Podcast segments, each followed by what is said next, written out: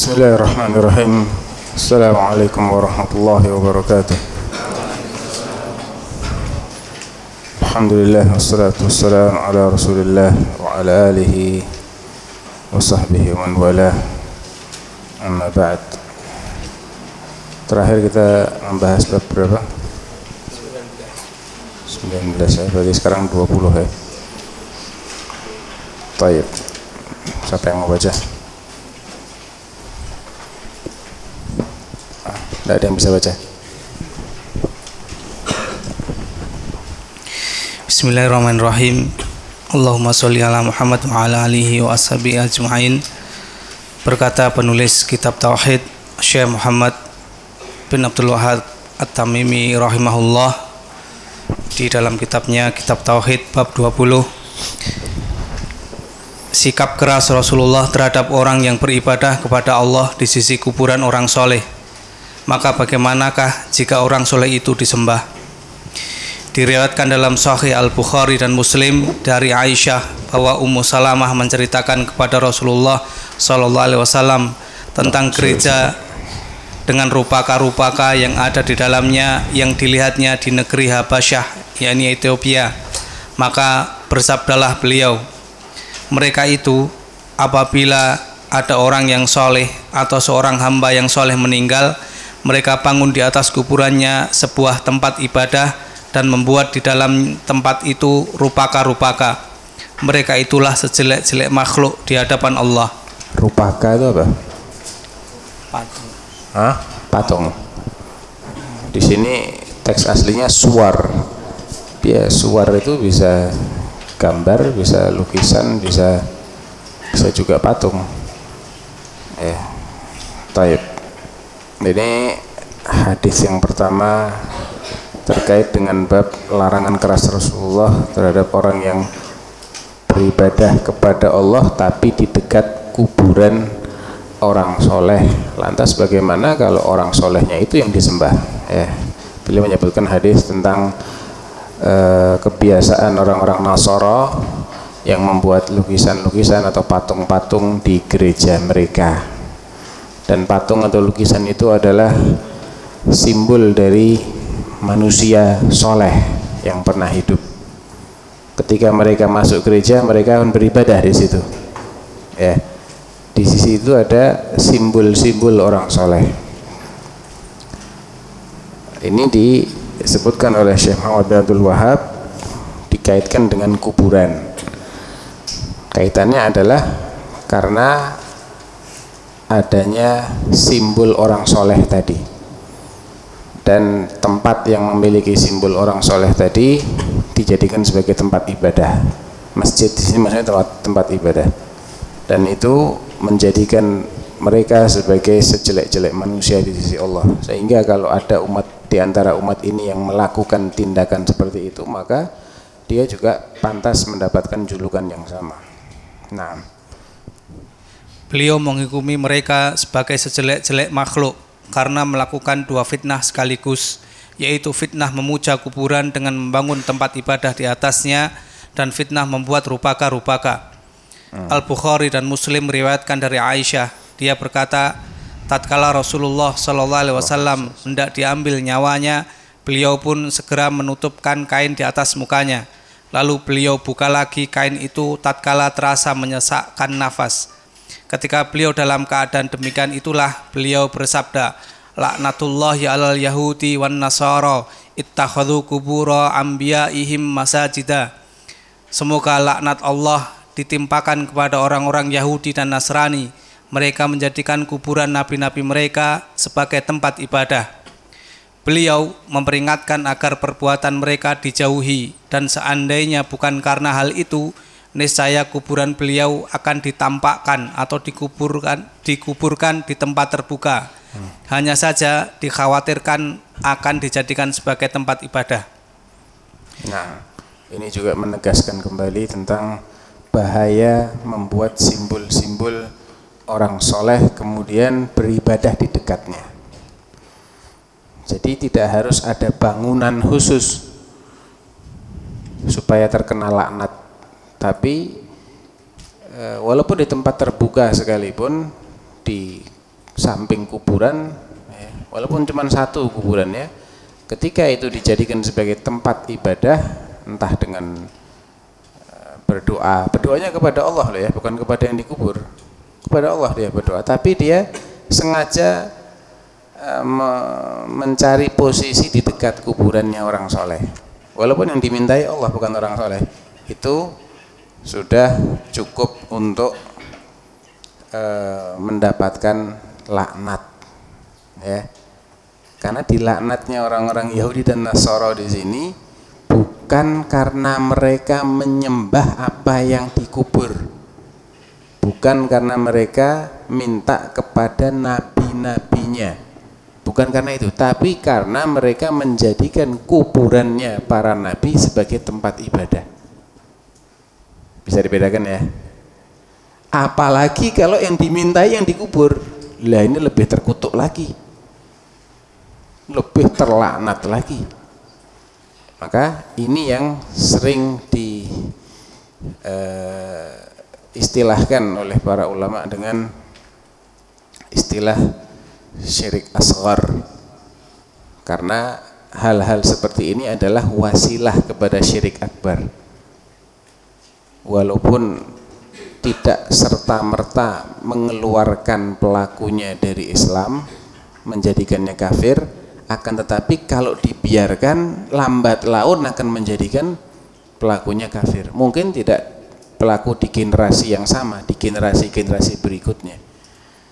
Makanya dari awal sudah dilaknat dulu sama Allah sama Rasulullah SAW bahkan beliau mengucapkan laknat itu di saat-saat kritisnya beliau kalau ini bukan masalah penting buat apa laknat laknat mau mati pakai sempat-sempat yang laknat ini kan nazak nih Rasulullah lama nuzila bi Rasulillah. Beliau sedang menghadapi kematian ini.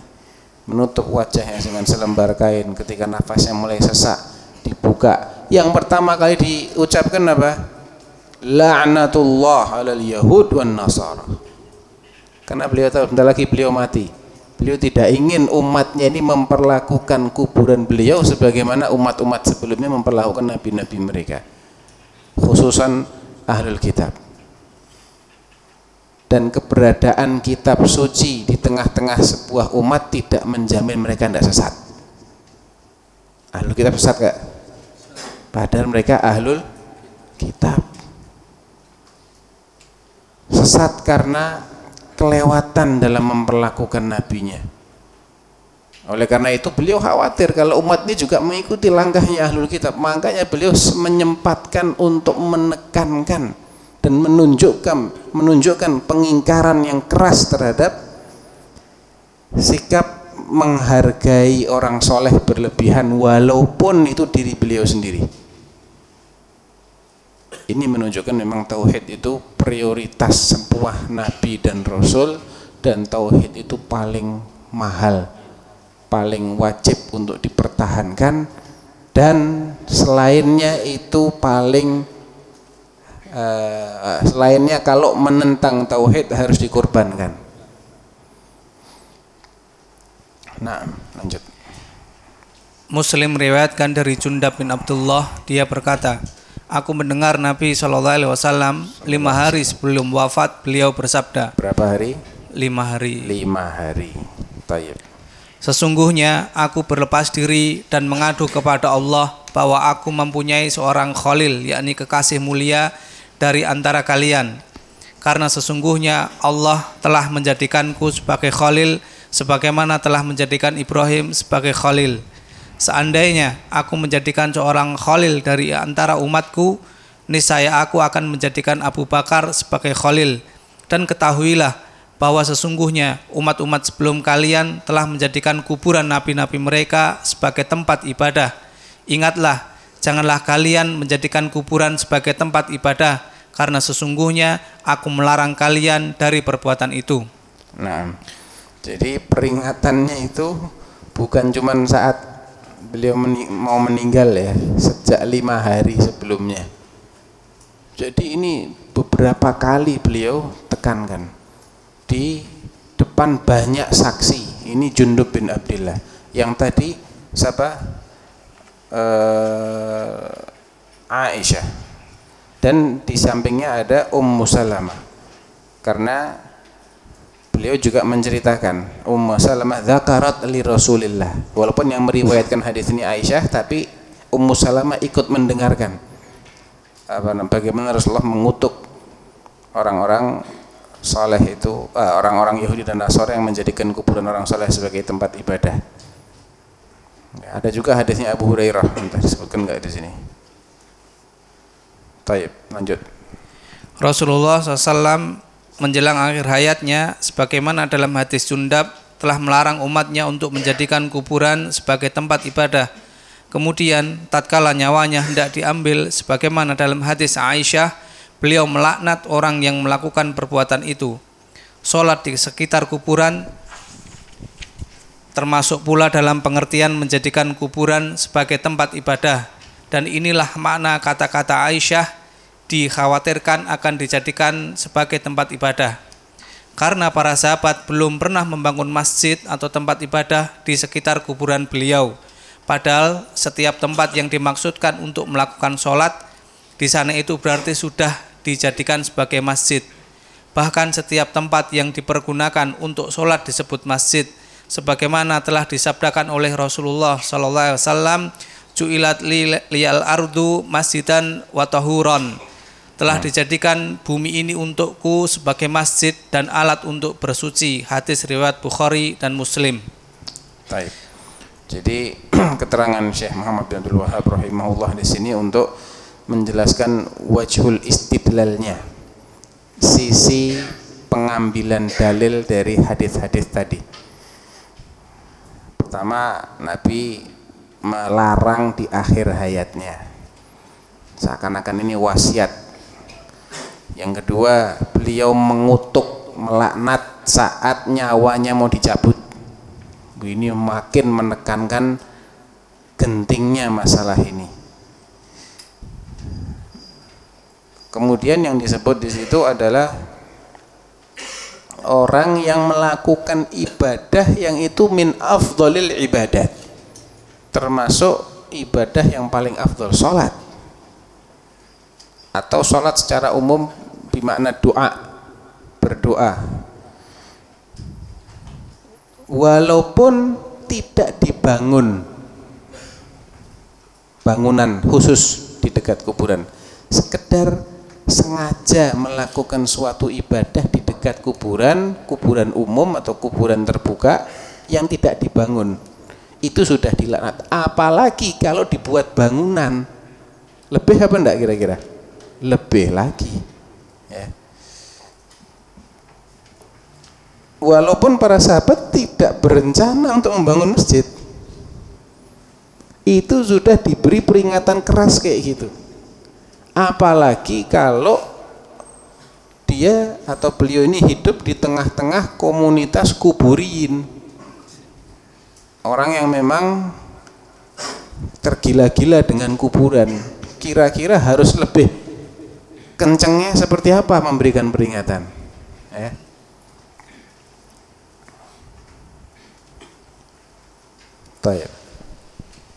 dan Imam Ahmad meriwayatkan hadis marfu dengan sanad jayyid dari Ibnu Mas'ud radhiyallahu anhum. Sesungguhnya termasuk sejelek-jelek manusia ialah orang-orang yang masih hidup ketika kiamat terjadi dan orang-orang yang menjadikan kuburan sebagai tempat ibadah Hadis ini diriwayatkan pula dalam Sahih Abi Hatim. Abu Hatim maksudnya Ibnu Hibban ya. Sahih Ibnu Hibban. Baik. Di sini uh, Nabi SAW menjelaskan inna min syirarin nas man tudrikuhumus sa'ah wa hum ahya walladzina yattakhiduna al-qubura masajid. Subhanallah. Kalau antum renungi ini seakan-akan di sini Rasulullah menyamakan jahatnya orang-orang yang menjadikan kuburan sebagai tempat ibadah dengan jahatnya orang kafir. Karena yang menyaksikan hari kiamat cuma orang orang kafir. Kan setiap orang beriman walaupun cuma sebesar darah akan dimatikan dulu sama Allah dengan angin baik ya enggak? Jadi inna min syirarin nas termasuk manusia paling jahat di mata Allah paling busuk paling jelek adalah orang-orang yang masih hidup tatkala kiamat terjadi dan orang-orang yang menjadikan kuburan sebagai tempat ibadah. Nah,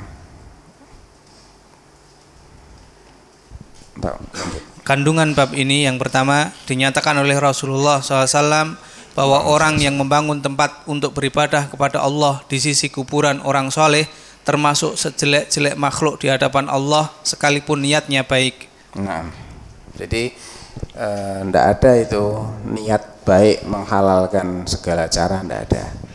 Niat baik tanpa ilmu sama dengan sejahat-jahat manusia. Ya enggak makanya jangan jadi orang tidak berilmu. Niat tok enggak cukup. Ilmu itu harus. Ini niatnya baik ini mereka itu menjadikan mereka sejelek-jelek manusia apalagi nih niatnya sudah enggak benar ya untuk melestarikan kemusyrikan niatnya nah apalagi ya. niatnya kalau mengundang wisatawan mencari devisa negara Nah. Yang kedua, dilarang dan diperingatkan dengan keras adanya rupaka-rupaka di dalam tempat ibadah. Yang ketiga, mengambil pelajaran dari upaya maksimal yang dilakukan oleh Rasulullah. Eh, yang kedua di sini kalau di, di sana an-nahyu 'anit tamatsil fa idza ijtama'al amran taghallazal amr. Uh, artinya larangan membuat rupaka entah itu patung atau lukisan orang soleh itu tok dilarang kalau bertemu antara kuburan dengan gambar orang soleh maka pangkat dua pangkat tiga larangannya. Tambah terkutuk lagi itu yang melakukan hal seperti itu. Nah.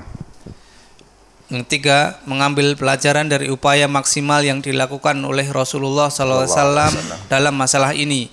Bagaimana beliau menjelaskan terlebih dahulu kepada para sahabat bahwa orang yang membangun tempat ibadah di sekitar kuburan orang soleh termasuk sejelek-jelek makhluk di hadapan Allah.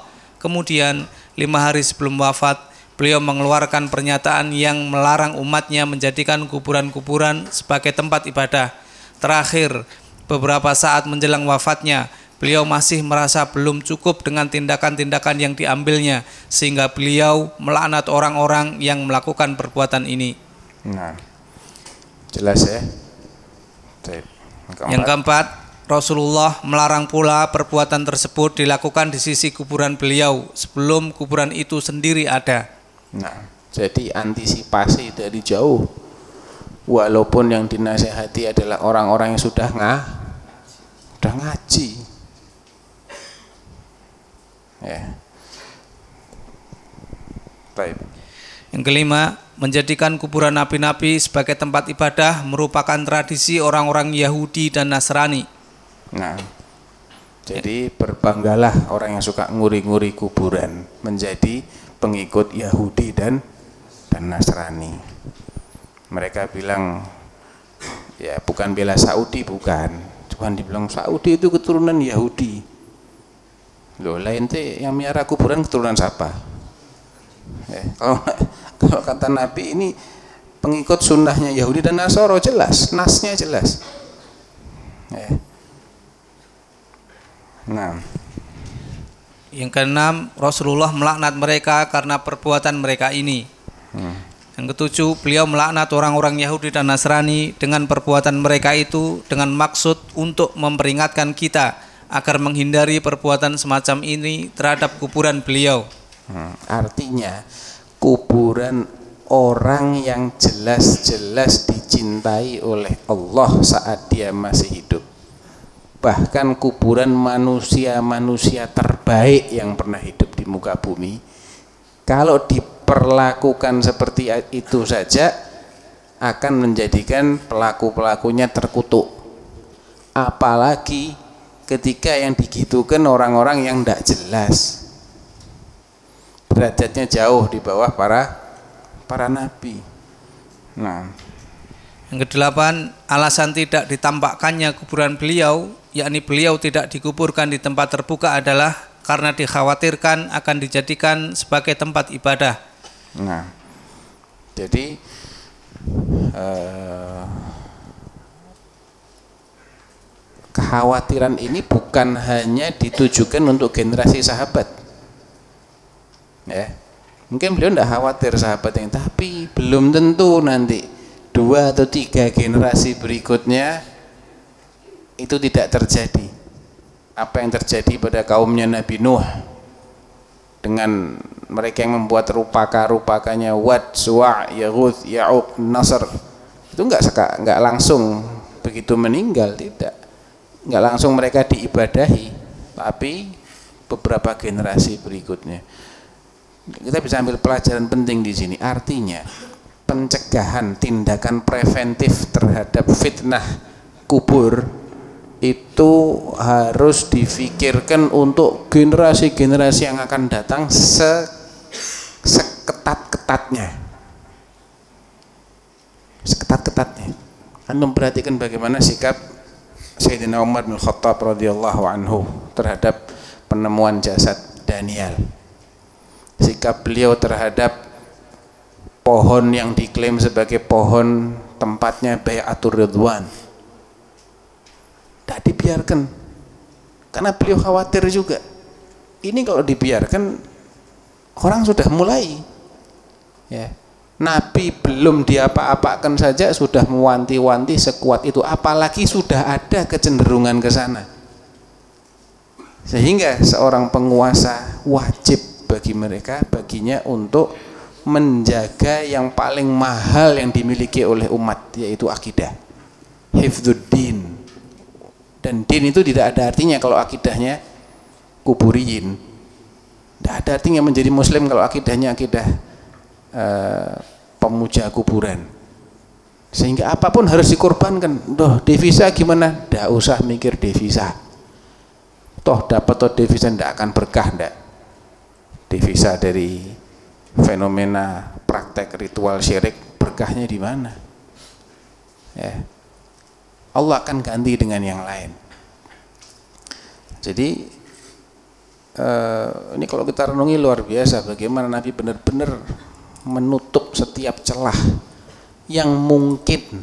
Selagi ada kemungkinan maka itu ditutup syarat-syaratnya. Tidak boleh nulis-nulis di kuburan tidak boleh meng, mengistimewakan kuburan meninggikan kuburan juga tidak boleh. Biar apa?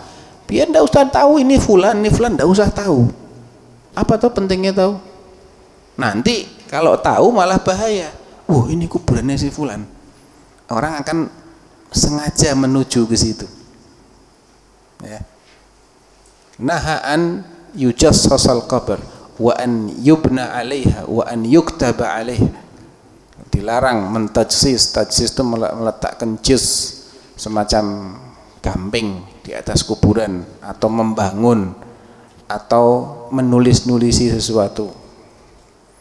Karena mayat ini tidak tidak perlu didatangi kuburannya untuk mendapatkan manfaat doanya yang masih hidup enggak. Doa dari rumah pun nyampe manfaatnya. Ziarah kubur itu fungsi utamanya untuk tadakur al-akhirah, mengingat akhirat, mengingat mati. Sehingga ini bisa dilakukan dengan kuburan siapa pun. Hatta kuburan orang kafir. Nah, bukankah Nabi SAW pernah singgah di kuburan ibu ibunya?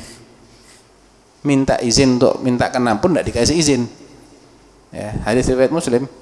Istadzantu rabbi an astaghfira li ummi falam ya'dhan li wastadzantuhu an azura qabraha fa'adhinali aku minta izin terus untuk ziarah saja deh ke kuburnya. Ya boleh.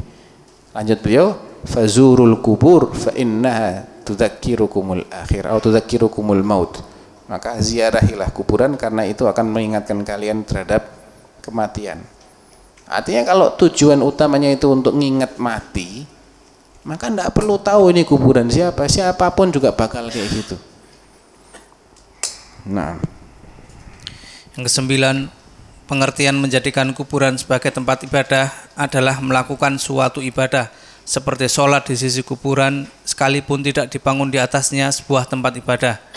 Sholat atau doa atau wiritan atau ngaji atau apa pun ketika suatu ibadah itu sengaja dilakukan di dekat kuburan padahal tidak ada perintahnya untuk begitu ini masuk dalam kategori menjadikan kuburan sebagai tempat ibadah.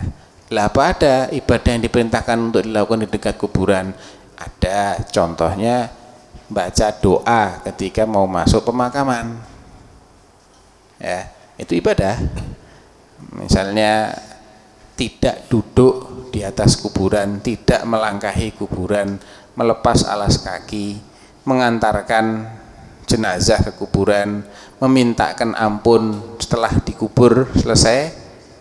Ya, istaghfiru li ahikum was'alu lahu at-tathbit mintakan supaya diberi ketetapan. Ini semua ibadah tapi memang ada perintah untuk dilakukan. Termasuk juga yang dicontohkan oleh Nabi adalah menyolatkan jenazah yang sudah terkubur dan dia belum sempat menyolatkan. Menyolatkan itu bukan sholat. Beda. Menyolatkan artinya mendoakan. Karena sholat jenazah itu dia tidak rukuk dan sujud di kuburan tidak kan? Dia cuman berdiri kalau laki ya di bagian atasnya kalau perempuan di bagian tengahnya kemudian dia melakukan sholat seakan-akan jenazah itu masih ada belum dikubur. Itu boleh. Tapi kalau tidak ada kepentingan lain mau doa minta sama Allah tidak usah datang ke kuburan. Kecuali kalau antum mau mendoakan mayat tidak apa-apa niatnya ziaratul kubur mendoakan yang muslim di antara mereka didoakan selesai udah pulang ya nah yang sepuluh Rasulullah menghubungkan antara orang yang menjadikan kuburan sebagai tempat ibadah dengan orang yang masih hidup ketika kiamat terjadi adalah untuk memperingatkan bentuk perbuatan yang merupakan jalan menuju syirik sebelum terjadi. Di samping bahwa syirik adalah akhir keadaan di dunia. Nah Yang sebelas khutbah yang disampaikan oleh Rasulullah pada waktu lima hari sebelum wafat mengandung bantahan terhadap kedua kelompok yang mereka itu adalah ahli bid'ah yang paling jelek. Bahkan sebagian ulama menyatakan bahwa mereka itu di luar 72 golongan dalam umat Islam yaitu Rafidah. dan Jahmiyah ada di sini ada Ada Hmm. Rafidah dan Jahmiyah dan karena Rafidah lah kemusyrikan dan penyembahan kuburan terjadi serta merekalah yang pertama kali membangun masjid di atas kuburan. Nah, membangun tempat-tempat ibadah eh, dan bentuknya memang persis seperti masjid. Tayyib. Yang ke-12 Rasulullah SAW adalah manusia biasa merasakan beratnya sakaratul maut. Nah, Ke-13 beliau dimuliakan Allah dengan diangkat sebagai khalil sebagaimana Nabi Ibrahim. nah, Ke-14 dinyatakan bahwa Khalil lebih tinggi tingkatannya daripada Habib atau kekasih. nah, 15 dinyatakan bahwa Abu Bakar As-Siddiq adalah sahabat yang paling mulia. dari mana? Lau kuntu muttakhidan khalilan latakhadtu Abu Bakrin khalilan. Nah, Ke-16 hal tersebut merupakan isyarat bahwa Abu Bakar akan menjadi khalifah sesudah beliau. nah. Tayyib. Berikutnya. Bab ke-21 Sikap berlebihan terhadap kuburan orang-orang soleh akan menjadikannya sebagai berhala yang disembah selain Allah. Imam Malik meriwayatkan dalam Al-Muwatta bahwa Rasulullah SAW bersabda, Ya Allah, janganlah engkau jadikan kuburanku sebagai berhala yang disembah.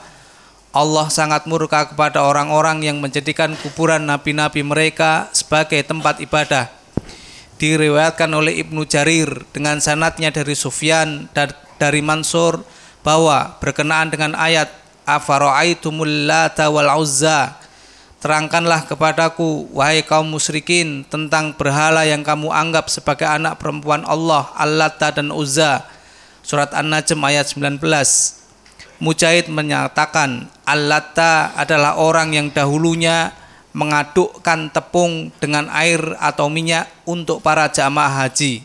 Setelah meninggal, mereka pun senantiasa mendatangi kuburannya. Demikian pula tafsir Ibnu Abbas sebagaimana dituturkan oleh Abul Abul Jauza. Jauza. Dia itu pada mulanya adalah orang yang mengadukkan tepung untuk para jamaah haji. Ini orang baik gitu loh. Orang suka ngasih jamaah haji, buat makanan buat jamaah haji. Latta yaluttu fiilnya namanya alat. Taknya musyaddad ya. Alat min latta yaluttu alladhi yaluttu as-sawiq. Buat adonan tepung, dibuat roti, dibagi-bagikan buat uh, jamaah haji. Sekaligus orang musyrik itu juga mengenal haji. Ya. Jadi ibadah haji itu ibadah lama, salah satu atau sisa-sisa dari ajaran Nabi Ibrahim yang masih diamalkan oleh orang-orang Quraisy itu ibadah haji itu mana haji yang sudah kecampuran syirik. Talbiyahnya juga talbiyah kecampuran syirik. Labbaik Allahumma labbaik labbaik la syarika lak labbaik illa syarikan huwa lak tamlikuhu wa ma malak. Pakai illanya itu. Enggak ada sekutu bagimu kecuali satu sekutu. Jadi masih ada sekutu. Eh. Uh, di sini hadis yang pertama itu diriwayatkan oleh Imam Malik dalam kitabnya Al-Muwatta secara mursal. Jadi si tabi'in yang bernama Atha ibn Yasar langsung menisbahkannya kepada Rasulullah SAW. Tidak menyebutkan siapa perantaranya. Apakah ada tabi'in lain di situ? Apakah langsung kepada sahabat? Tidak tahu kita. Dan hadis mursal menurut tiga dari empat imam madhab masih dianggap sebagai dalil hadis mursal menurut Imam Ahmad, Imam Malik, Imam Abu Hanifah itu dalil tapi Imam Syafi'i bilang bukan dalil nggak bisa diterima begitu saja kecuali kalau ada indikator-indikator lain dan ini pendapat yang lebih kuat pendapat yang menolak hadis mursal karena memang tidak masuk kategori hadis yang makbul karena adanya keterputusan dalam sanatnya. Hanya saja ada hadis lain yang menguatkan hadis ini atau semakna disebutkan oleh Syekh Muqbil rahimahullah dan beliau hasankan hadisnya dalam kitabnya As-Sahihul Musnad min uh, mungkin min asbabin nuzul ya karena ini beliau sebutkan terkait dengan ayat Allah uh, apa namanya atau mungkin as-sahihul musnad fi ma laysa fi sahihain juga bisa. Intinya hadisnya Abu Hurairah ini diriwayatkan oleh Imam Ahmad dengan sanad yang hasan, lafadznya Allahumma la taj'al qabri wathanan. Ya Allah, kata doanya Rasulullah nih, jangan kau jadikan kuburanku sebagai wathan berhala La'anallahu qauman ittakhadhu kubur anbiya'ihim masajid. Semoga Allah mengutuk kaum yang menjadikan kuburan nabi-nabi mereka sebagai tempat ibadah sebagai masjid. Jadi maknanya sama. Tidak ada masalah walaupun di sini mursal hadisnya tapi kita punya hadis lain yang hasan. Nah, e, kemudian Ibnu Jarir menyebutkan di sini dari Sufyan dari Mansur Ibn Mu'tamir dari Mujahid Ibn Jabir ketika menafsirkan afara'aitumul lat wal uzza? Eh, Mujahid menyebutkan Lat itu adalah orang yang tadi kerjaannya membuat makanan buat jemaah haji sehingga dia orang soleh. Dia mati kemudian mereka iktikaf berdiam diri di sekitar kuburnya. Ibnu Jauza dari Ibnu Abbas juga menyebutkan yang senada. Ibnu Abbas kemudian menyebutkan apa di sini? Qal. Diriwayatkan dari Ibnu Abbas dia berkata Rasulullah Wasallam melaknat kaum wanita yang menziarahi kuburan serta orang-orang yang membuat tempat ibadah dan memberi penerangan lampu di atas kuburan. Hadis riwayat para penulis kitab Sunan. Ya ini Abu Dawud, At-Tirmidzi, An-Nasai dan Ibnu Majah. Hadis ini dhaif secara sanad Eh, karena di situ ada perawi namanya Abu Saleh Badham atau Badhan.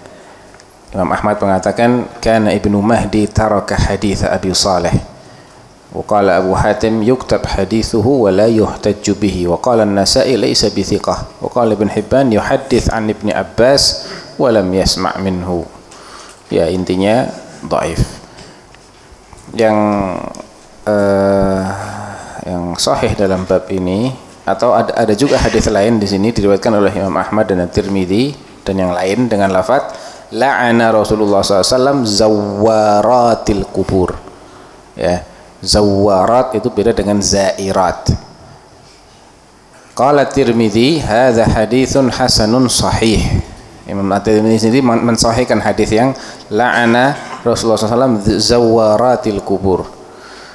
Uh, setelah mensahihkan beliau mengatakan waqad ra'a ba'du ahli ilmi anna hadha kana qabla an yurakhisa an-nabiy sallallahu fi ziyaratil qubur. Sebagian ulama menganggap hadis pengutukan atau pelaknatan wanita-wanita yang suka ziarah kubur itu diucapkan sebelum beliau memberikan rukhsah untuk ziarah kubur falamma rakhasa dakhala fi rukhsatihi ar-rajul ar-rijal wan nisa um, sehingga setelah beliau memberikan rukhsah rukhsah ini berlaku untuk laki-laki maupun perempuan. Itu menurut sebagian ulama. Yang lain waqala ba'dhum innama kuriha ziyaratul quburi lin nisa liqillati sabrihinna wa kathrati jaza'ihinna yang lain tetap memakruhkan. Karena perempuan ini kurang kesabarannya dan lebih berat kalau berkeluh kesah.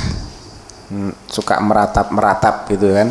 Itu kan lebih sering terjadi pada kalangan wanita daripada kalangan laki-laki karena laki-laki lebih tegar. Sehingga dikhawatirkan kalau dia itu ziarah kubur nanti terjadi hal-hal yang mungkar. Makanya dilarang sekalian Taib.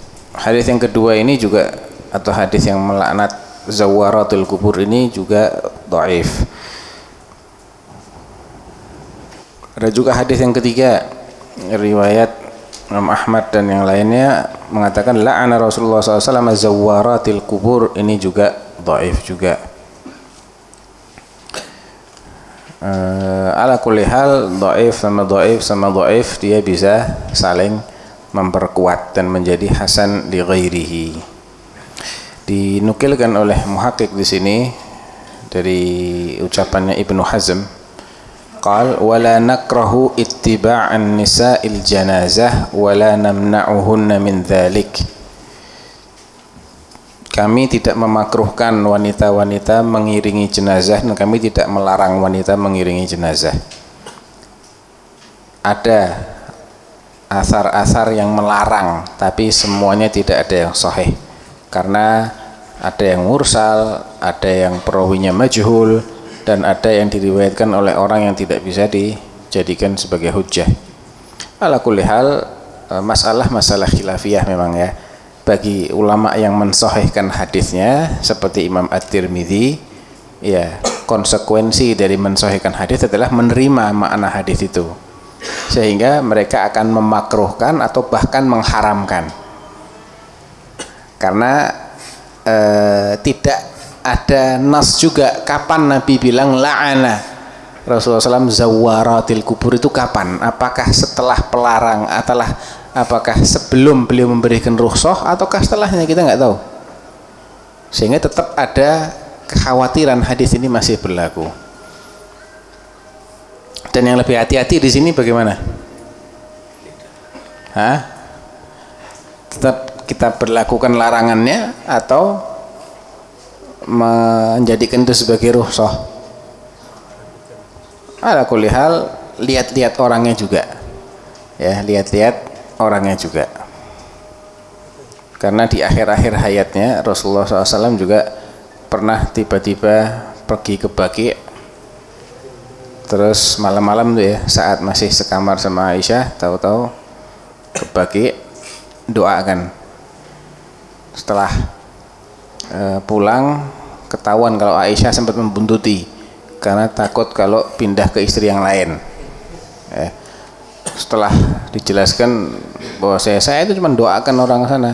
Nah, terus Aisyah bilang ya Rasulullah apa yang saya lakukan kalau saya ziarah kubur Nah, Nabi menjawab lakukanlah doa begini begini begini.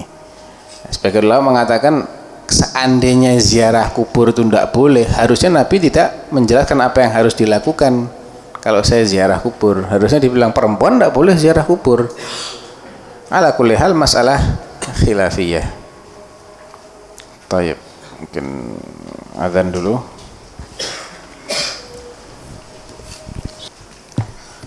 Tayyib. Uh, masuk ke masail. Ini ada dia lima buku ya. Untuk siapa saja? Untuk yang ikhwan. Ikhwannya banyak ini. Yang bisa menjawab pertanyaan. Oh, gitu, taib. Taruh sini aja.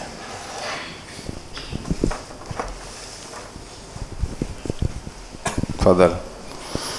Kandungan bab yang pertama tafsir berhala yaitu sesuatu yang diagungkan selain Allah seperti kuburan, batu, pohon dan sejenisnya. Nah. Yang kedua tafsir Jadi tentang berhala ibadah. itu enggak cuman patung ya. Apa saja yang diagungkan itu berhala. Walaupun saat hidupnya dia memang layak untuk dihormati. Layak untuk dicintai. Tapi ketika dia mati, hati-hati.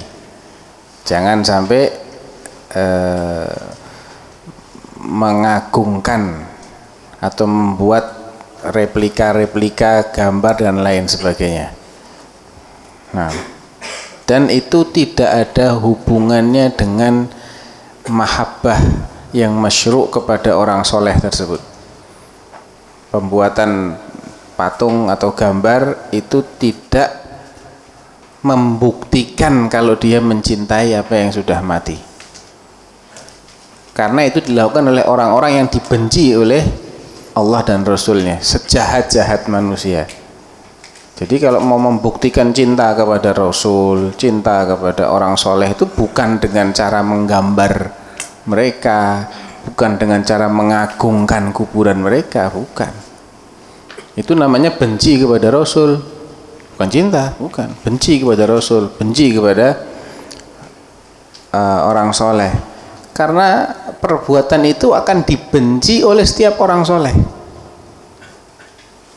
Setiap orang soleh pasti akan membenci. Karena yang namanya soleh itu orang yang taat kepada perintah Allah dan Rasulnya. Dan jauh dari larangan Allah dan Rasulnya. Dan termasuk yang dilarang di sini adalah menggambar mereka. Atau membuat patung mereka, membuat simbol mereka. Nah, kalau ada orang ngakunya soleh, ngakunya soleh, atau zohirnya mirip seperti orang soleh tapi nyuruh orang memperlakukan dia seperti itu nah simpulkan sendiri. Siapa dia? Ya jadi kalau orang soleh itu tidak mau dia diperlakukan begitu tidak pernah mau tidak pernah senang diperlakukan seperti itu bahkan dia akan membenci para pelakunya karena Allah dan Rasul yang membenci pelaku-pelaku pengultusan individu tadi. Nah, yang kedua tafsir tentang ibadah. Nah, ibadah itu erat kaitannya dengan perilaku ta'zim, pengagungan. Mengagungkan sesuatu berarti dia merendahkan dirinya di hadapan sesuatu itu. Setiap bentuk pengagungan hati-hati. Ya, apalagi kalau yang diagungkan itu sudah tidak ada tidak kelihatan goib seperti pengagungan orang-orang yang memiliki kepercayaan terhadap makhluk halus. Dari pengagungannya ini dia berusaha untuk merendahkan dirinya di hadapan apa yang diyakininya akan uh, mampu memberikan suatu manfaat atau menolak suatu mudarat. Jadi dia kenapa kok mengagungkan sesuatu yang tidak kelihatan tadi, yang goib tadi, padahal tidak ada sebab akibat yang kasat mata yang dilakukan oleh yang goib tadi kepada dirinya. Yang namanya goib kan tidak kelihatan toh. Kok bisa diyakini, bisa nolong, Alasannya apa? Kok bisa diyakini bisa menolak balak? Bukti konkretnya apa? Goib. Kalau kasat mata, it's okay. Misalnya sakit kepala, pusing, datang ke apotek beli panadol, ya dia berharap dengan minum panadol itu akan hilang sakit kepala. Ini nggak syirik, karena ada hukum sebab akibat yang bisa dijelaskan secara ilmiah di sini. Dan ini real, kelihatan barangnya. Tapi kok sakit kepala, datang ke kuburan. Duh, hubungannya apa kuburan dengan sakit kepala? Ya enggak? Enggak ada. Sudah mati, goib. Ya kan ada kuburannya. Iya, tapi dalamnya kuburan itu apa? Tulang belulang. Tulang belulang menolong kamu bisa keluar lagi tangannya ketak plok, hilang pusingnya gitu. Ya, enggak juga. Artinya ada sebab akibat tapi mistik di sini, supranatural tidak kelihatan goib juga artinya nah ini hati-hati ini ini kaidah penting. Artinya bagaimana mendeteksi harapan ketakutan yang itu masuk ke ranah syirik dengan harapan atau ketakutan yang itu manusiawi. Indikator pertamanya adalah yang diharapkan atau yang ditakuti tadi goib yang kedua tidak ada hubungan sebab akibat yang logis, yang ilmiah antara sesuatu yang dia harapkan dengan harapannya itu sendiri apa atau sesuatu yang dia takuti dengan perlindungan yang dia minta adanya keyakinan-keyakinan batil terhadap sesuatu yang goib tadi itu akhirnya melahirkan bentuk pengabdian, bentuk takorup kepada yang ditakuti. Caranya apa? Pasang sesajen. Ini juga tidak logis lagi. Yang ditakuti tidak kelihatan. Disuruh makan jenang, disuruh makan nasi tumpeng, telur, daging ayam yang ayamnya harus hitam, kepala kerbau. Makannya gimana? Oh, tidak kelihatan makhluknya. Tidak masuk akal lagi Eh, cara-caranya itu cara-cara yang mistik lagi nggak ada hubungan sebab akibat nah ini harusnya hanya boleh ditujukan kepada Allah. Allah memang gaib kita disuruh takorup kepada Allah. Ya dengan ibadah dengan doa dengan sholat sujud rukuknya dengan sedekah lillahi ta'ala. Kok selain Allah juga diperlakukan seperti itu ya? Selain Allah juga diharapkan bisa memberikan kekuatan gaib itu kekuatan gaib dong bisa menyelamatkan ketika berlaut bisa memulangkan para nelayan dengan hasil tangkapan banyak itu kan kekuatan gaib pong tidak kelihatan. Ya enggak atau kalau sedekahnya sedekah bumi juga sama. Jadi ini semua adalah bentuk ibadah yang menjadikan mereka tidak ada bedanya dengan orang-orang musyrik jahiliyah. Nah yang ketiga, Rasulullah Sallallahu Alaihi Wasallam dengan doanya itu tiada lain hanya memohon kepada Allah supaya dihindarkan dari sesuatu yang dikhawatirkan terjadi pada umatnya, sebagaimana yang telah terjadi pada umat-umat sebelumnya, yaitu sikap berlebihan terhadap kuburan beliau yang akhirnya kuburan beliau akan menjadi berhala yang disembah. Ya, jadi kalau Nabi minta perlindungan, doa, memohon-mohon, memelas-melas kepada Allah, jangan sampai kuburanku dijadikan sebagai berhala. Itu berarti apa yang dikhawatirkan itu sesuatu yang mungkin terjadi, bukan tidak mungkin. Bahkan sudah pernah terjadi di umat-umat sebelumnya. Sehingga sangat mengherankan ketika ada orang yang mengatakan jangan terlalu fobi dengan kuburan. Ya kita ini sudah pinter, sudah hidup di abad gini. Siapa yang bilang sudah pinter? Masih bahlul semua. Mayoritas bangsa yang kita ini belum cerdas. Karena mayoritasnya masih percaya takhayul, percaya khurafat, hatta yang sudah jadi pejabat. Buktinya masih suka pakai guna-guna. Ya, masih suka pakai paranormal, peramal. Ya enggak? Itu bukti bangsa kita ini belum cerdas Karena tidak ada hubungan sebab akibat kok percaya gitu loh. Masih ada saja surat kabar yang mencantumkan ramalan zodiak. Eh, ini bukti masih pada bah, ada bahlul. Ya ini realita. Walaupun kampus tambah, dosen tambah, orang-orang pinter juga tambah. Tanda kutip tapi pinternya. Nah, Yang keempat, dalam doanya itu beliau sebutkan pula perbuatan menjadikan kuburan para nabi sebagai tempat ibadah. artinya eh, qarmihi bihadza ittikhadhu kuburil anbiya'i masajid. Jadi beliau mengaitkan antara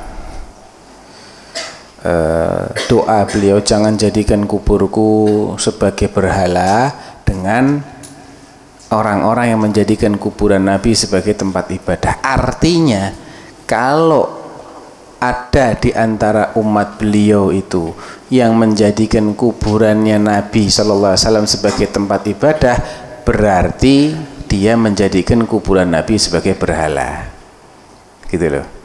Karena itu dikaitkan dalam satu konteks kalimat. Nah, Yang kelima, bahwa Allah sangat murka terhadap orang-orang yang menjadikan kuburan para nabi sebagai tempat ibadah. hmm, Allah sangat murka kepada orang-orang yang menjadikan kuburan Nabi sebagai tempat ibadah, apalagi kalau itu dibangun masjid, apalagi kalau itu bukan Nabi, ya. apalagi orang yang ketika hidup sudah jelas tidak soleh, sudah jelas track recordnya itu jelas kerjaannya melecehkan agama ya. Membela aliran-aliran sesat. Apalagi dijadikan sebagai destinasi wisata. Sudah lengkap penderitaan bangsa ini. Ya lengkap sudah. Sebodoh-bodoh bangsa kita ini. Wallahi. Malu jadi bangsa Indonesia kalau ada orang membanggakan negeri penduduk muslim terbesar apa iyo muslim apa musyrik? Ya. Apa hakikat dari Islam? Islam itu hakikatnya adalah al-istislamu lillahi bitauhid. Pasrah kepada Allah dengan hanya mengesahkan Allah dalam semua yang menjadi aspek tauhid. Fi rububiyatihi wa uluhiyatihi wa asma'ihi wa sifatihi dalam ketiga bab ini kita masih kecolongan masih uh, kebakaran kalau nilainya ya, nilainya itu kebakaran lima ke bawah nilainya bab rububiyah aja kebakaran hebat kita. Ini kan bab rububiyah ini. I'tiqadur dur wan nafa' meyakini ada yang bisa memberikan madarat atau manfaat selain Allah itu syirik dalam bab rububiyah. Yang orang-orang musyrik jahiliyah itu nggak separah yang ngaku muslim hari ini dalam bab ini. Belum lagi dalam bab uluhiyah plus juga asma wa sifat. Ya, itu masih parah sekali kondisinya. Uh, itu sangat dimurkai oleh Allah. Taib. Yang keenam. Yang keenam, di antara masalah yang sangat penting untuk dijelaskan dalam bab ini ialah pengetahuan historis tentang penyembahan Al-Lata, yakni berhala terbesar orang-orang jahiliyah. Hmm, jadi kronologinya adalah orang soleh, suka dermawan, terus dibuat simbolnya, ujung-ujungnya diibadahi. Ya. Uh, yang ketujuh. Yang ketujuh, berhala ini asal usulnya adalah kuburan orang yang soleh yang hmm. diperlakukan secara berlebihan dengan senantiasa dikunjungi oleh mereka. Nah, ya makanya tidak eh, boleh ada perlakuan berlebihan terhadap kuburan. Kalau perlu diratakan. Madhab Imam Syafi'i itu lebih mengutamakan kuburan itu rata loh daripada ditinggikan satu jengkal. Ya, ada ada dua pendapat. Boleh ditinggikan satu jengkal tanpa menambahkan tanah selain tanah kuburan itu sendiri. Ya, ada yang mengatakan ratakan aja, taswiyah. Berdasarkan dalil hadis riwayat Muslim, hadis riwayat Ali bin Abi Thalib, wala tada qabrun musyrifan illa sawaitah jangan kau sisakan kau biarkan ada kuburan yang, ditinggikan melainkan kau ratakan. Taib eh, Naam. Yang kedelapan, Allah adalah nama orang yang dikuburkan itu yang pada mulanya adalah seorang pengaduk tepung untuk para jamaah haji. Naam Yang kesembilan, Rasulullah Shallallahu Alaihi Wasallam melaknat wanita penziarah kubur. Ya zawarat kalau dalam lafat yang lain ada yang memaknai yang sering berziarah kubur. Zawar ya menunjukkan dia itu bolak-balik ziarah. Walaupun ada juga yang memaknai zawar itu seperti wa mallahu bidhallamin lil abid. Dhallam walaupun itu bentuknya sighah mubalaghah. Tapi maknanya bukan Allah bukanlah yang sangat zolim kepada hambanya. Kalau difahami begitu kalau sangat zolim enggak apakah berarti punya mafhum? Kalau zolim biasa iya. Enggak juga gitu loh. Artinya bizallam ay bizi zulmin. Allah bukanlah yang memiliki kezoliman sedikit pun. Nah dengan pemahaman atau metodologi yang sama mereka menafsirkan zawarat ay zairat ay allati tazurul qabr walaupun cuma sekali. Allah alam al masalah fiha fiha khilaf. Nah Yang sepuluh, beliau juga melaknat orang-orang yang memberi penerangan lampu di atas kuburan. ya diterangi. Buat apa diterangi? Sudah mati diterang-terangi. Mana eman duitnya? Ya. Untuk apa coba? Itu kan perlakuan-perlakuan istimewa. Nanti orang mikir ini kok diterangi ya? Kuburan siapa ini? Mesti lebih istimewa daripada yang lain. Ya. walaupun maksudnya mungkin bukan untuk itu. Tidak ada urusan dengan maksud. Mungkin maksudnya ini kuburan eh, apa misalnya ya? Mau digali ulang misalnya. Mau dipindahkan anunya.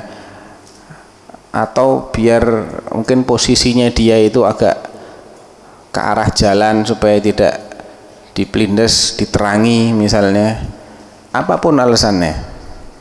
Nggak boleh ada perlakuan istimewa terhadap kuburan karena belum tentu orang yang melihat itu memahami maksud itu. Ya belum tentu. Orang yang melihat ini kenapa kok diterangi? Dia tidak tahu mungkin maksudnya apa. Sebagaimana orang-orang yang ujung-ujungnya mempertuhankan simbol orang-orang soleh tadi itu juga karena tidak paham maksud leluhur mereka. Kenapa ya? Nenek moyang saya kok membuat patung ini? Tidak paham. Padahal maksud nenek moyangnya adalah untuk mengingatkan saja tentang kesolehan mereka sehingga tersemangati lagi untuk ibadah. Tapi karena maksud ini sifatnya sesuatu yang gaib tidak boleh diberikan uh, peluang untuk berkembang. Ya. Nah taib. Ini ada lima hadiah. 10, 2, 3, 4, 5 huh? sholat dulu. Oh, habis sholat. Baru bagi-bagi hadiah. Taib. Tapi jangan sampai salah niat loh ya kita cukupkan dulu kita sholat Wallahu taala alam sallallahu ala nabiyyina Muhammad wa ala alihi wasahbihi wasallam. Assalamualaikum warahmatullahi wabarakatuh. Bismillah, alhamdulillah, wassalatu wassalamu ala rasulillah wa ala alihi wa Ada pertanyaan-pertanyaan ada? Satu tak? Belum ada? Taib Ini ada pertanyaan Saya mau bertanya ada seorang akhwat yang solehah Dan saya berniat untuk meminangnya Tetapi akhwat tersebut ada satu hal yang tidak disukai oleh orang tua saya. Bolehkah saya membujuk dan merayu orang tua saya untuk menerima akhwat tersebut? Siapa yang bisa jawab ada hadiahnya nih? Iya benar. Ini kan hadiah untuk yang bisa menjawab pertanyaan. Siapa yang bisa jawab? Mesti orang nggak ada kayak mau. Tak ulang. Boleh Hah?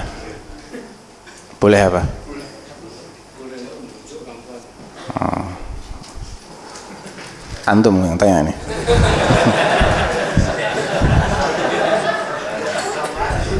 Hmm, sepakat? Siapa yang sepakat angkat tangan? Oh, satu. Antum harus sepakat, antum yang jawab kok. Tadi ada yang bilang sepakat di belakang dari siapa? Sepakat. Cuman tiga. Siapa yang tidak sepakat?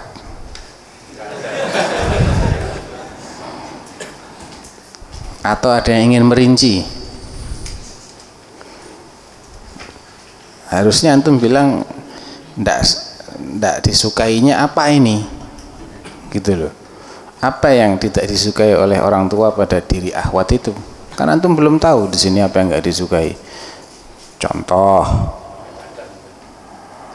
pakai cadar orang tuanya nggak suka antum mau bujuk kalau dibujuk biar suka bagus kalau yang tidak disukai itu misalnya karena akhwatnya ini masih pakai jimat antum mau bujuk gimana yang dibujuk akhwatnya biar ngelepas bukan orang tuanya orang tuanya sudah benar nih gitu nah, jadi jawabannya dilihat dulu. Ini ada NB di sini. Saya belum bicara tentang akhwat tersebut kepada orang tua saya. Hal yang tidak disukai itu adalah oh dijelaskan di sini. Hal yang tidak disukai itu adalah beda suku. Contohnya saya orang A dan dia orang B. orang tua saya ingin saya bersama dengan orang A tambahan lagi ahwat tersebut sangat solehah kok ngerti nah. ya kalau sekedar beda suku ya, boleh dibujuk Hah? Oh gitu ya. Ya kalau gini mah jelas. Terlalu gampang pertanyaannya. Harusnya antum nggak cepet-cepet jawab boleh. Tanya dulu yang tidak diboleh kenapa? Gitu. Hmm, saya tahu sabar tuh saya memiliki dosen yang ucapannya mencela sahabat seperti satu Uthman bin Affan melakukan nepotisme. Dua sahabat Bilal bin Robah pemahamannya dangkal. Tiga hubungan antara Ali bin Abi Thalib hubungannya tidak akur dengan Aisyah. Empat sahabat Tolhah dan Zubair wafat karena rebutan kekuasaan. Lima ahlu sunnah wal jamaah asal usulnya tidak jelas enam seng takon zindik. Ya sudah jelas ini. Eh, bukan seng takon yang bilang ini semua zindik. Bukan yang tanya Afwan. Yang ngomong yang ngomong zindik. E, maka saya marah bahkan hingga detik ini. Saya tidak pernah menyebut namanya kecuali saya manggilnya si zindik. Wah bagus nih. Apakah tindakan saya ini benar? Nah, ini sudah ditanyakan. Sudah dijawab tadi karena saya benar-benar marah bahkan ingat wajahnya saja pengen misuh-misuh. Enggak usah. Oh coba. Jangan overdosis gitulah. Bagaimana Ustadz menanggapi ini? Ya yang misuh-misuhnya tidak perlu.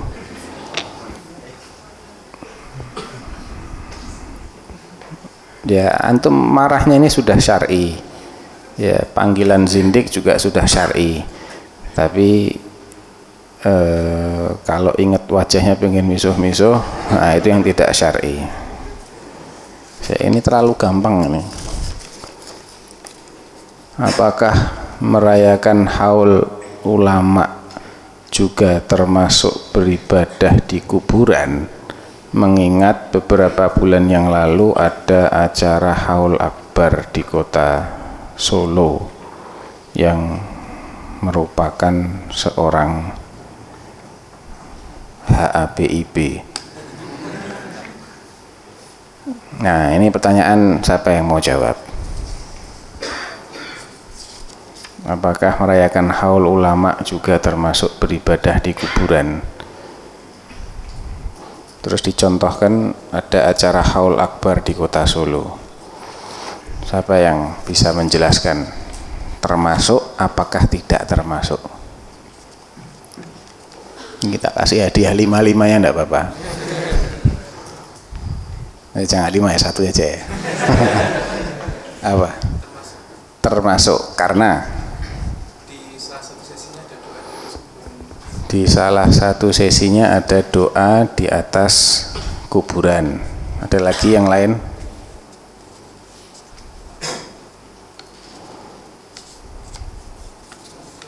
Cuman itu. Taib. Ada yang mau nambahkan? Fadal, untuk pilih yang mana? Ini judulnya diarahkan ke sana nih. Antum kepengen ya? ya wes mesake. Tak kasih yang bau-bau ahwat aja ya. Udah ada ya? Sembarang. Ya sini weh. Syarah kita tauhid tuh. Antum mau pilih yang mana Fadal? Oh, yang itu? Oh, ya wes. Kok malah yang kecil? Ini memahami macam-macam penyakit hati. Ah.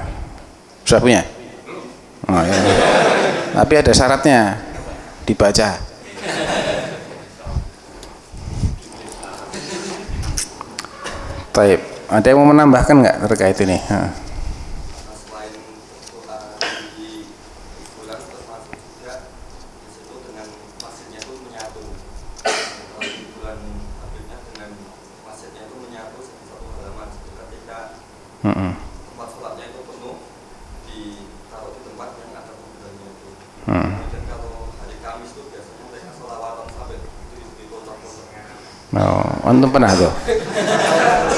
Hah? Oh ikut sana lima tahun. Solawatan sampai loncat-loncat. Hmm. Ya jadi mereka yang datang itu kan sholat toh. Sholatnya di mana? Iya di situ. Karena kaitannya dengan orang yang sudah mati, yang memang dikubur di dalam masjid, mau tidak mau masjidnya juga dipakai untuk sholat. Dan karena banyak beludak ke pelataran-pelatarannya, pelatarannya juga ngadep ke ke kuburan jelas banget di situ. Yang sholat di pelataran, di emperan pasti akan ngadep ke arah kuburan. Di samping itu juga untuk sholawatan. Sholawatan ibadah bukan? kecuali kalau mereka nganggap sholawatan bukan ibadah ya, kalau loncat-loncatnya bukan tapi sholawatannya jelas apalagi selain sholawatan selain sholat habis sholat apa yang dilakukan zikir ibadah lagi kadang kalau longgar mungkin juga ada yang ngaji baca Quran atau baca apa ini juga bentuk bentuk ibadah ini banyak sekali Kalian mau memilih apa sembarang aja? Sembarang aja. Petuah-petuah Syekh bin Bas, fikih Asmaul Husna atau syarah akidah Ahlussunnah wal Jamaah. Syarah akidah.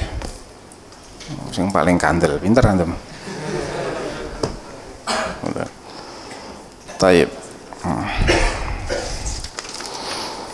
Gimana rasanya dulu sama sekarang? enakan sekarang enak banyak apa enak sedikit Hah? enak banyak lima tahun itu haul datang terus atau lima tahun ngaji juga di situ? Ngaji juga. Diajari apa dulu? Solawatan sambil? Teriak-teriak. Hmm.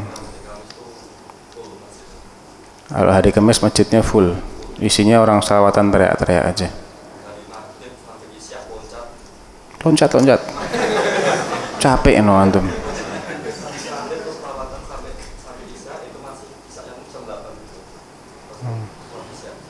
loncat-loncat betul itu? Antum ingat yang dibaca apa?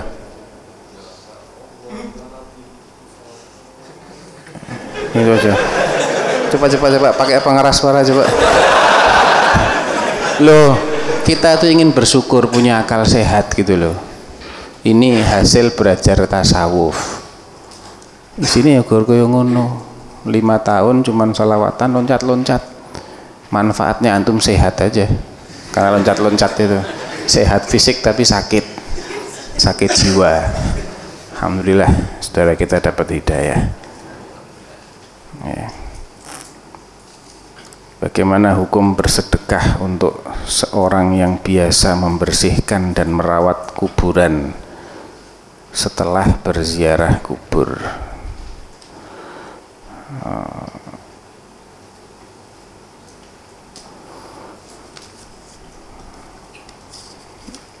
Ah, ada yang mau jawab ini? Bagaimana hukum bersedekah untuk seorang yang biasa membersihkan dan merawat kuburan setelah berziarah kubur? Kuburan itu perlu dirawat tuh? Hah? Lah, perawatannya seperti apa misalnya? Oh. Emang kalau tumbuh rumput kenapa? Kalau tumbuh rumput emang kenapa? Nggak, tahu. Selainnya putih rumput, malah ada yang tanami rumput. Oh, itu merawat. Bayaran tiap bulan. Jadi kuburannya selalu sejuk, bersih gitu ya.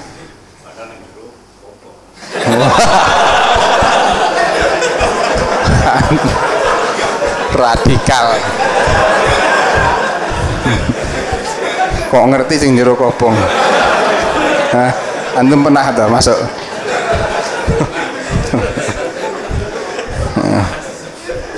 Ngono ya ngono ning aja ngono lah. Ya kalau merawatnya kayak begini-begini saya khawatir ini orang akidahnya perlu diluruskan. Kalau dikasih sedekah nanti dia tambah semangat kerabat kuburan. Ya. Sebetulnya tidak perlu dirawat seperti itu. Karena kuburan itu tidak diperuntukkan untuk satu orang selamanya tidak. Bahkan dianjurkan di eh, apa digunakan untuk orang kedua orang ketiga. Ya ini ada banyak banyak manfaat di sini. Pertama biaya itu tidak mahal. Karena satu orang tidak mengkapling satu tempat tidak perlu lagi harus mengumpulkan dana untuk beli lokasi pemakaman. Apalagi di daerah-daerah yang harga tanahnya mahal. Ya enggak cukup satu itu bisa terus recycling daur ulang. Mungkin berapa tahun sekali coba digali. Oh sudah hancur kuburkan orang lain di situ. Dibagi itu seperti itu. Hah? Lah saya saya peka ora gelem. Dipinter ke eh, padahal yang dikubur yo beda-beda amalnya ndak akan ndak akan menyatu gitu loh. Eh. Kopong bareng gitu.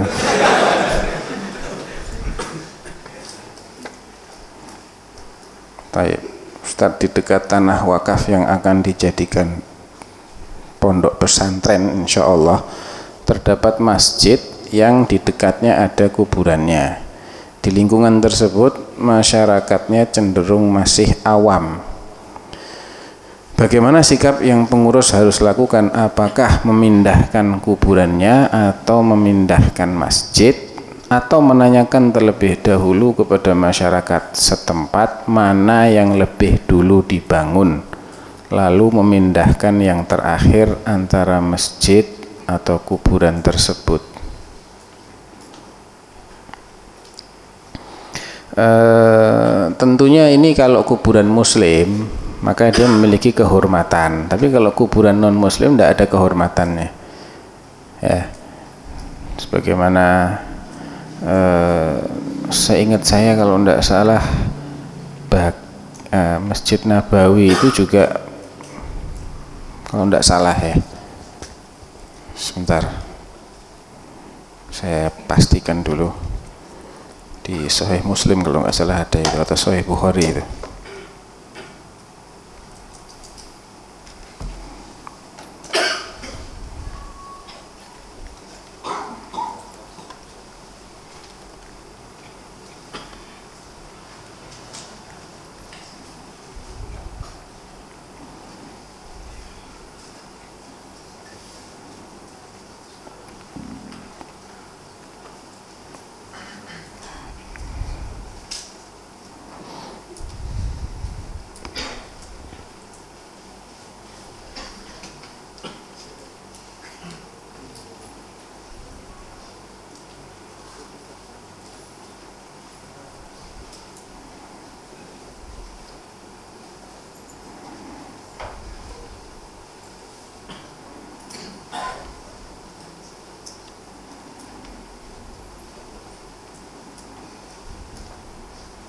ya Imam Bukhari meriwayatkan ya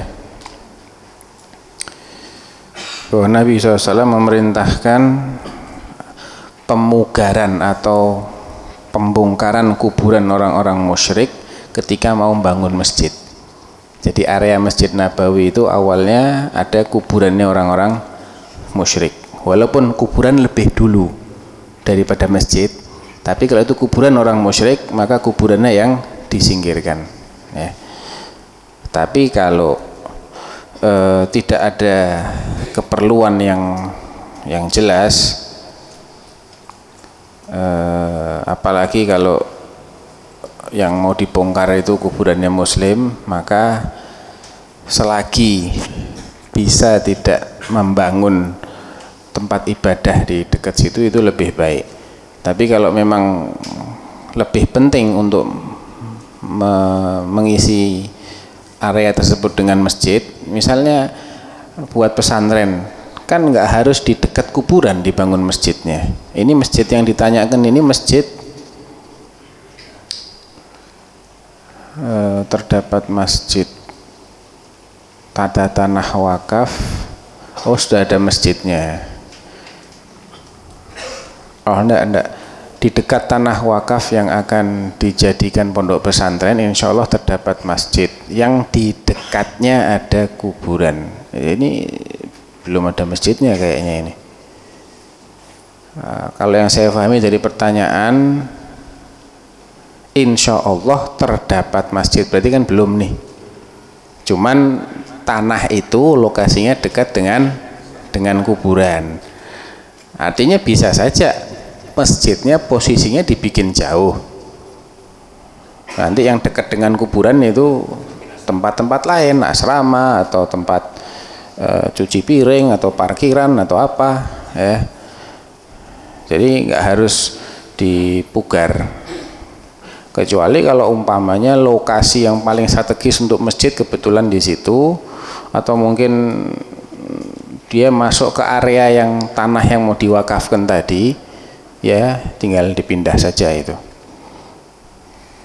dipindahkan ke pemakaman umum eh Taib. ini sudah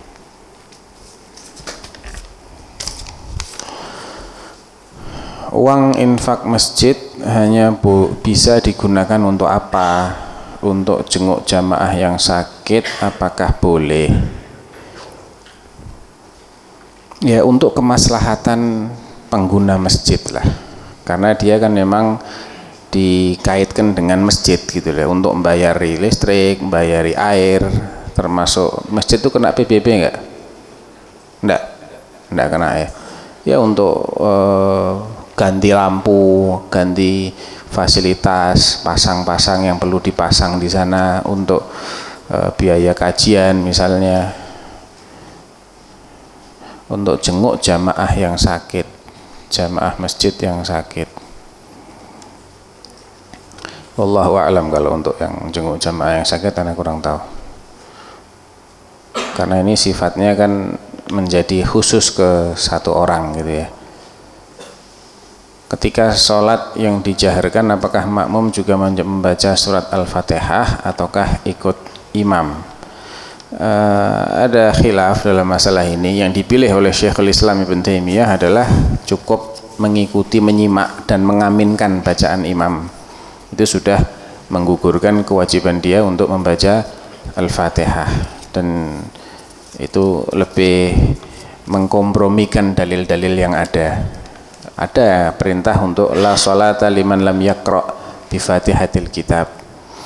Akan tetapi kita juga diperintahkan untuk wa idza quri al-Qur'an fastami'u lahu wa ansitu. Insat itu diem tidak ikut baca.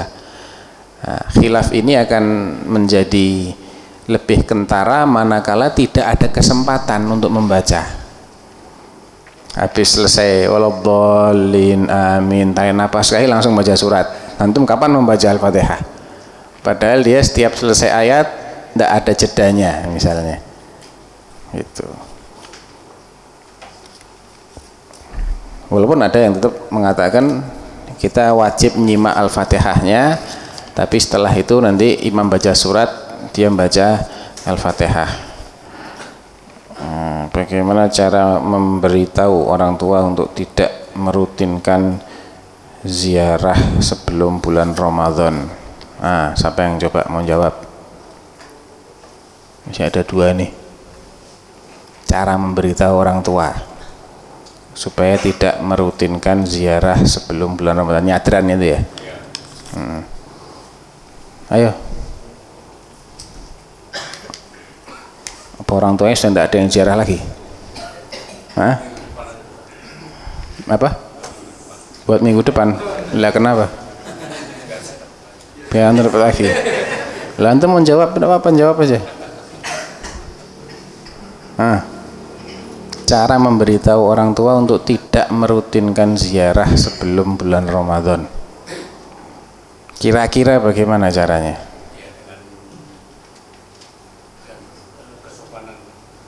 Hmm.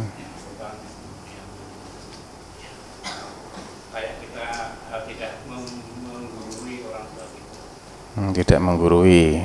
Terus antum akan menyampaikan apa?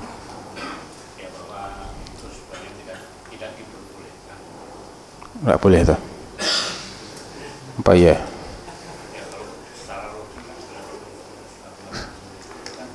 Secara rutin enggak boleh ya karena dia menjadi rutinitas. Kenapa kok bulan Syakban memiliki keistimewaan khusus apa istimewanya ziarah kubur di bulan Syakban dengan merutinkan sesuatu yang memang tidak diperintahkan untuk rutin di waktu tertentu maksudnya di waktu tertentu ini loh ya kalau rutin tapi dia tidak mengikuti pola tertentu tidak apa-apa.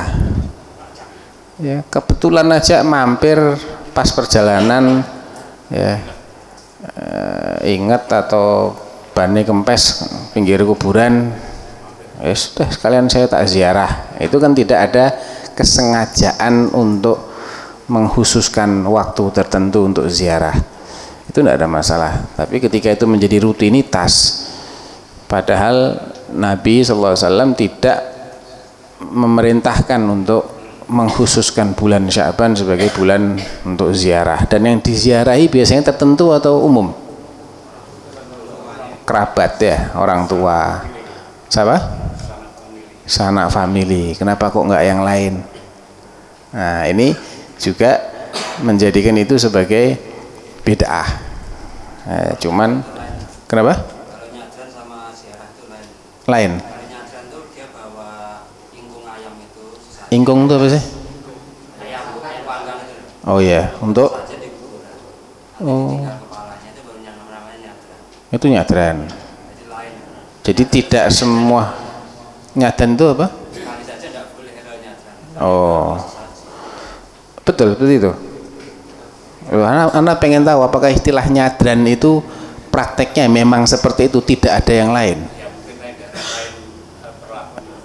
di daerah antum bi di, oh enggak enggak enggak artinya anda ada enggak yang mengenal istilah nyadran tapi tidak pakai ingkung?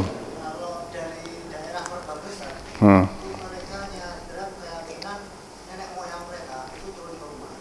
turun ke rumah.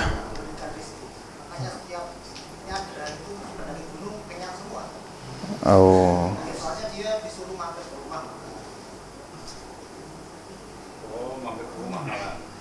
jadi nggak pakai sesajen.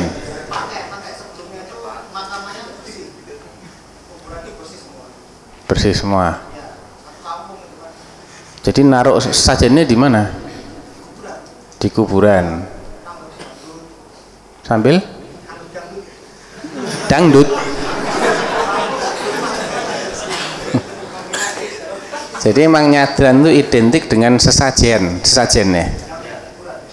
Di kuburan kok kita toh mereka? Antum. Wah ini ngamuk kabeh ora trimo loh antum bilang punya keyakinan kayak gitu. Pancen yang di rumah. Oh kalau ziarah ya, Syaban itu lain lagi. Oh, nyadan itu sendiri di bulan Syaban bukan lah menjelang puasa Syaban toh jenenge Lah berarti memang ada kaitannya dengan padusan juga? Enggak. Lain lagi. Banyak mentok bedahnya antum ini. Hah? Jadi ini sekedar merutinkan ziarah sebelum bulan Ramadan alias di bulan Syaban atau enggak harus di bulan enggak Syaban juga? Biasanya bulan Syaban ya. Kebanyakan bulan Syaban. Taib. Kalau sekedar ziarah saja yang dilakukan secara rutin, tapi cara ziarahnya sampainya dia di kuburan dia melakukan hal-hal yang syar'i saja, maka ini bisa masuk kategori bid'ah. Kalau memang ada kesengajaan mengkhususkan bulan Syaban sebagai bulan untuk berziarah. Dengan catatan tadi ziarahnya tata caranya syar'i loh ya. Masuk kuburan ya dia baca doa untuk mereka yang sudah mati, Assalamualaikum ahla dia dan seterusnya mendoakan ampunan. Sudah. Setelah itu pulang. Tapi menghususkannya di bulan Syaban secara rutin itu menjadikannya bid'ah. Jadi ya penjelasannya nanti kalau ingin dapat pahala ziarah, ziarah yang sifatnya mutlak saja, jangan dikhususkan di bulan Syaban gitu. Dan tidak khusus ke kuburan fulan atau fulan, enggak, kuburan umum. Karena tujuan dari ziarah itu untuk mengingat mati dan itu bisa diwujudkan dengan ziarahi kuburan yang siapa saja. Bah, bahkan kadang kuburan penjahat pun itu juga jadi ibrah buat kita. Ini yang dulu. Ya, orang satu kampung segan sama dia. Preman terus mati. Tidak-tidak ya meneng artinya hilang semua itu. Ini yang dulu ngumpulkan misalnya mantan koruptor kelas paus ya, korupsinya sampai macam-macam mati nggak ada yang dibawa ternyata hartanya. Itu juga bisa jadi biji tibar ibrah bahkan Nabi SAW setelah usai perang Badar memerintahkan bangkainya orang-orang musyrik itu dikubur di sebuah lubang datang tidak ngomong mereka ya ahlal qalib wahai penghuni lubang hal wajadtum ma wa'ada rabbukum haqqa? Kalian sudah men- mendapatkan apa yang dijanjikan untuk kalian kan? Benar kan yang dijanjikan untuk kalian itu? Nah ini kan juga itibar juga jadi tidak perlu dikhususkan kepada orang tua atau kepada kerabat ya. apa apalagi pada waktu tertentu tidak perlu. Ziaratul kubur maftuh. Taib. Ini tinggal dua ini. Loh. tadi yang jawab tadi siapa? Antum lagi ya? Tadi jawab apa sih? Lupa. Tentang apa tadi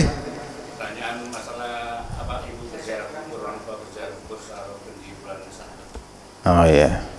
Ya sudah. Asmaul Husna. Satu lagi Herlambang. Mungkin seneng. Taib. Cukup ya insyaallah. Mudah-mudahan bermanfaat. Allah taala alam. Sallallahu alaihi Muhammadin wa alihi wa sahbihi wasallam. Assalamualaikum warahmatullahi wabarakatuh.